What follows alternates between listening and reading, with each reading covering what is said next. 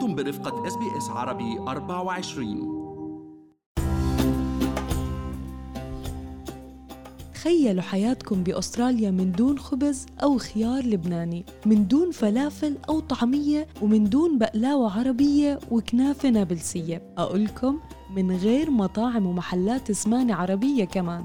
اجوا على أستراليا بالأول جابوه معهم من لبنان وكانوا يزرعوه بال backyard تبعهم للاستهلاك الشخصي والمحلي. جدي كان يقلي الفلافل والتيتا فوق بال kitchen عم تخبز الخبزات لأنه ما كان في خبز عربي وما كان في فلافل ابدا. لو رجعنا بالتاريخ إلى الوراء رح نلاقي إنه هاي المنتجات والأطباق لم تكن موجودة حتى وصول شخصيات عربية لتوفرها إلنا اليوم وتترك بصمات مميزة في تاريخ التعددية الثقافية في أستراليا. مرحبا معكم مرام إسماعيل من بودكاست بصمات اللي رح يركز على قصص العائلات العربية اللي حملت قطع من الوطن إلى أستراليا لتجعل الحياة في هذا البلد على الشكل اللي بنعرفه اليوم. الموسم الأول من بصمات رح يركز على قصص العائلات والأفراد اللي أدخلوا الأطباق والمنتجات العربية إلى تاريخ صناعة الطعام في أستراليا. لما بنحكي عن الكنافة الكنافة تلتصق يعني في التراث في الهوية. هي هي حدوتة فلسطينيه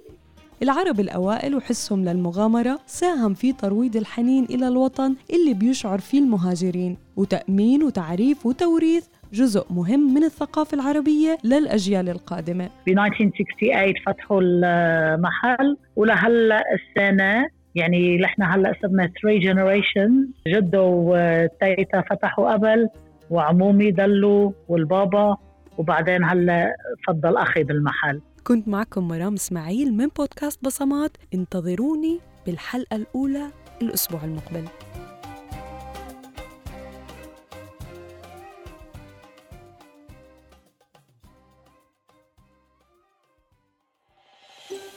هل تريدون الاستماع إلى المزيد من هذه القصص؟